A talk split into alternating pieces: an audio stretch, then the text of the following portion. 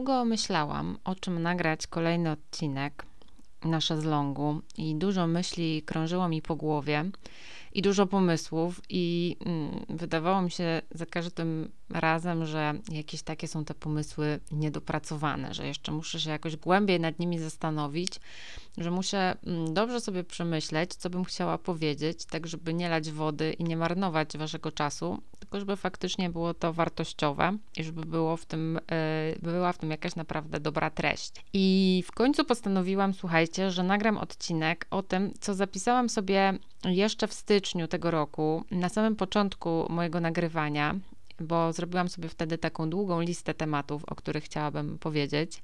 I to jest y, jeden z tych pierwszych pomysłów, y, czyli właśnie co powiedziałabym młodszej sobie, takiej młodszej powiedzmy o 10 lat. I mm, nie chodzi mi tutaj o to, że czuję się jakoś staro i mądrze.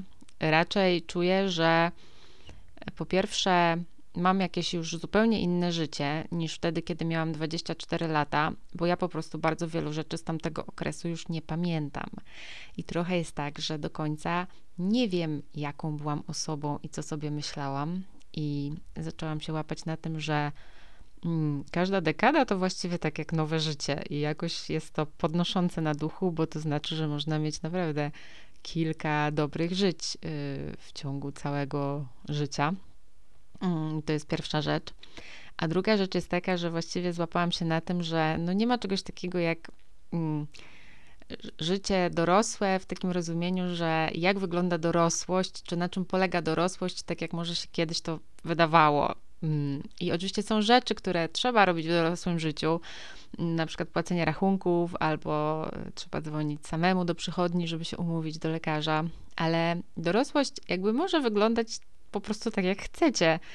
I nieważne, czy się ma lat 25, 30, 35 czy 40, to można nosić skarpetki z jednorożcem, y, nie mieć wcale domu, samochodu, można oglądać cały dzień Netflixa w łóżku, jedząc popcorn jeść tylko gotowe jedzenie i, grać w planszówki wieczorami i właściwie robić wszystko to, co lubicie. Oczywiście y, trzeba też pracować, no i jak się ma dziecko, to y, trochę y, jest inny temat, ale generalnie nie jest tak, że bycie dorosłym to oznacza, że już ma się wszystko przemyślane, ułożone i że właściwie to już tak będzie jakby prosta droga, a potem taka krzywa opadająca. Ja w każdym razie cały czas czuję się jeszcze bardzo młodo. Bardzo czuję, że jeszcze tak naprawdę wszystko przede mną i bardzo dużo przede mną. I że właśnie lepiej patrzeć przed siebie niż za siebie.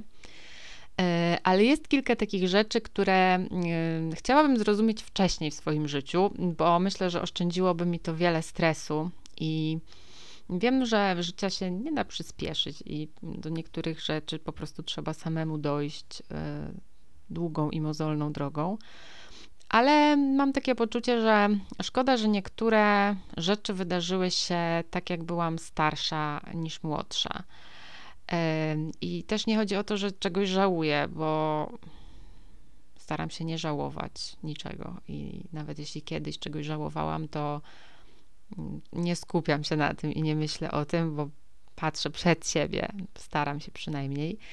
Ale mam kilka takich rad dla młodszej Asi z którymi e, tej młodszej Asi pewnie byłoby łatwiej. I właśnie dzisiaj Wam e, o nich opowiem.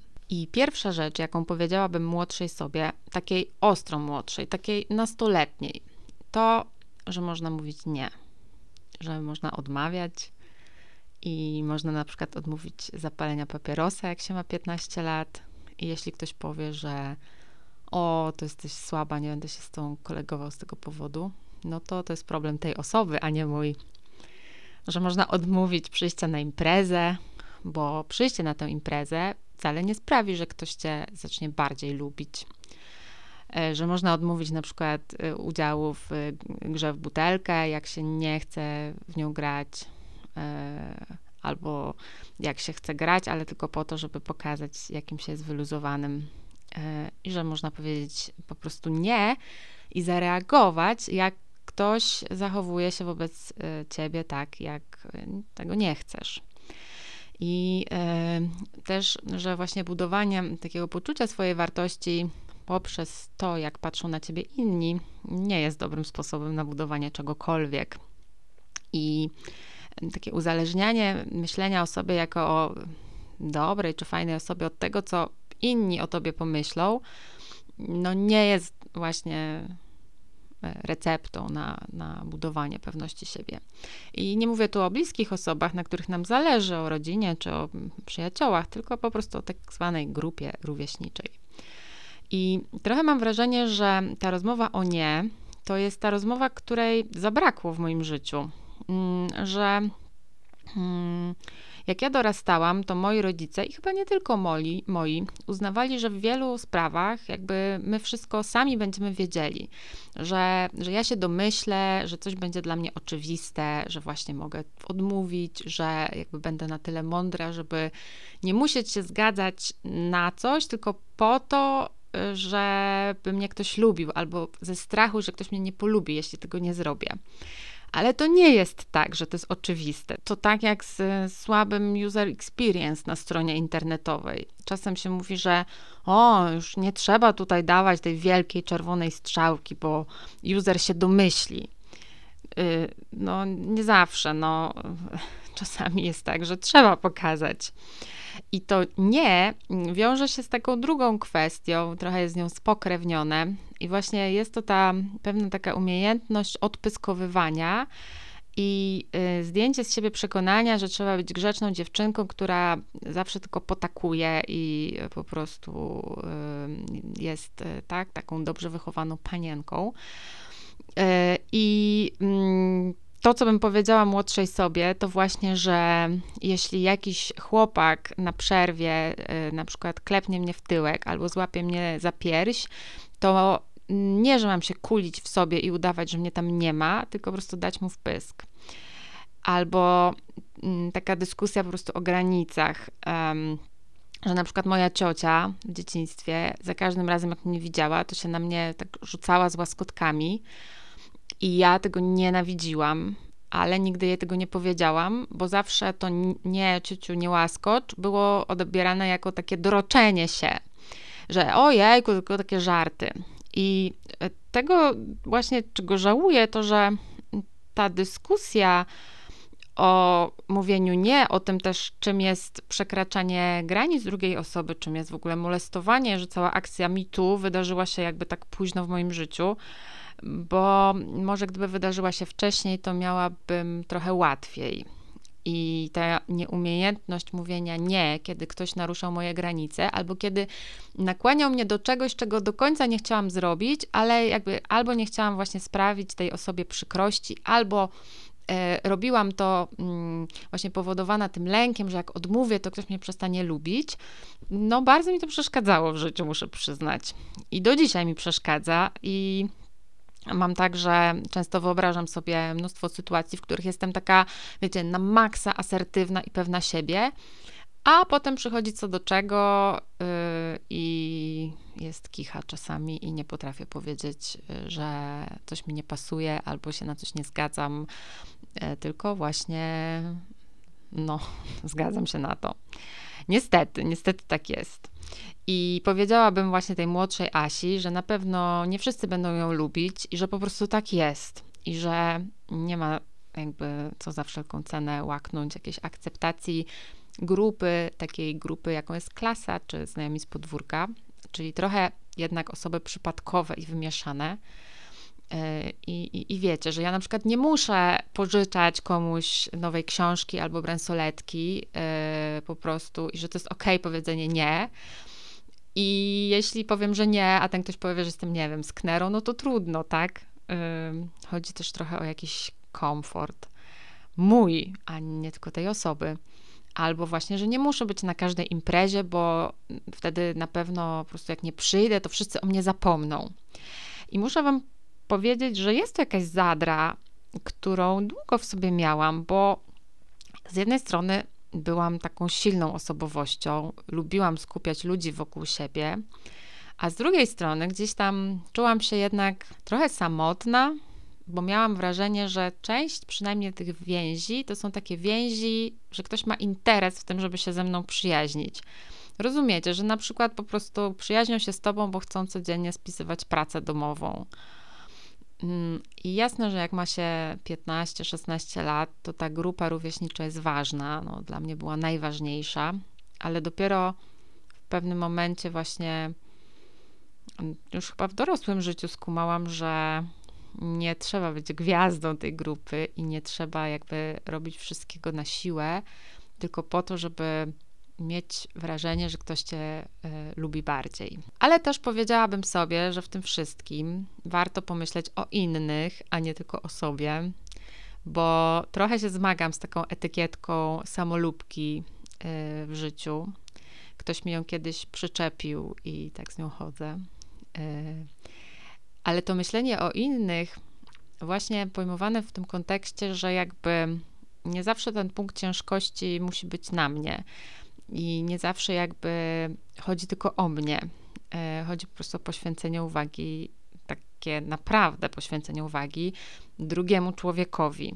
E, zainteresowanie się tym drugim człowiekiem po prostu z chęci, a nie też dlatego, że na przykład, żeby mnie ktoś lubił.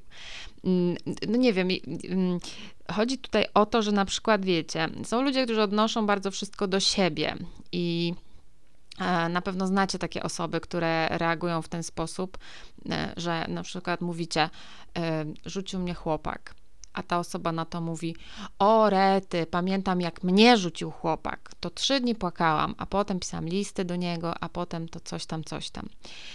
Po prostu, że każdą rzecz, którą im opowiadacie, to one opowiadają historią ze swojego życia i jakby znowu sprowadzają to do siebie i swoich doświadczeń. I mm, takie skoncentrowanie się autentyczne na drugim człowieku to jest naprawdę game changer. No, dla mnie mam wrażenie, że. Mm, może nie było jakiegoś przełomowego momentu w moim życiu, kiedy to się wydarzyło, ale powiedziałabym młodszej sobie, żeby nie odnosiła wszystkiego tak bardzo do siebie i żeby właśnie mm, przekładała ten punkt ciężkości ze swojego doświadczenia na kogoś innego.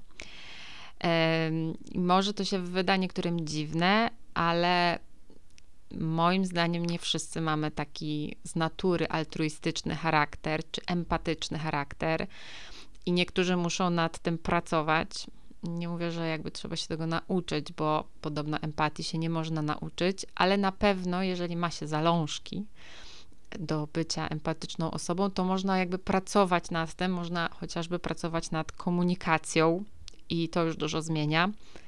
I chyba bym sobie właśnie to powiedziała, żebym jednak pracowała bardziej nad komunikacją, nad tym, co mówię i że nie zawsze muszę wszystko powiedzieć, to co myślę. Czasami e, po prostu mm, można pewne rzeczy przemilczeć. E, nie zawsze jakby moje musi być na wierzchu.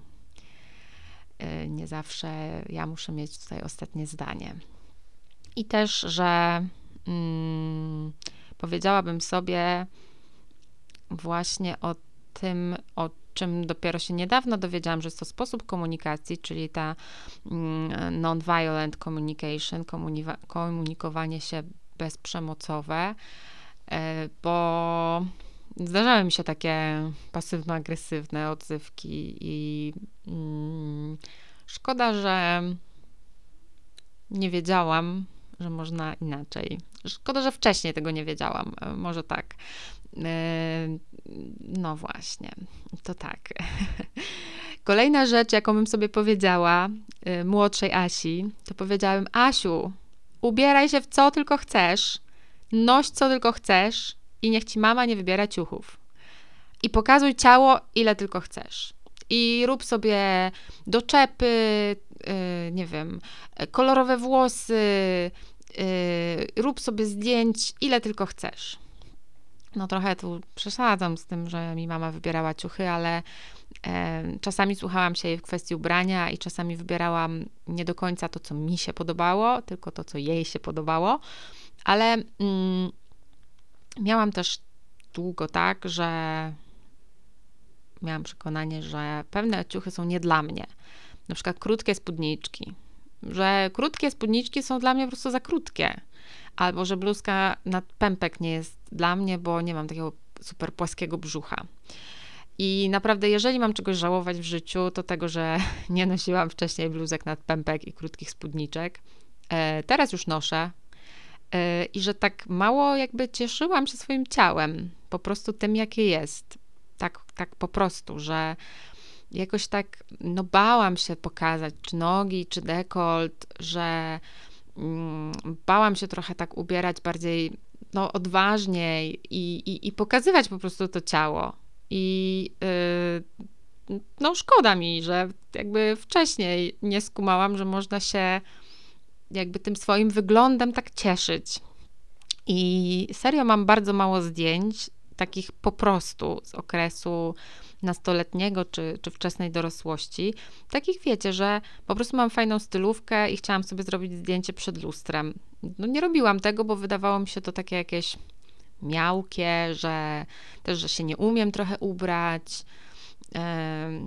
że, że to inne dziewczyny dużo fajniej wyglądają i do dzisiaj zresztą przychodzi mi z trudem i a, zawsze raczej podziwiam innych niż siebie. E, nie chodzi też o to, że się jakoś wstydziłam swojego ciała, bo raczej tak nie było.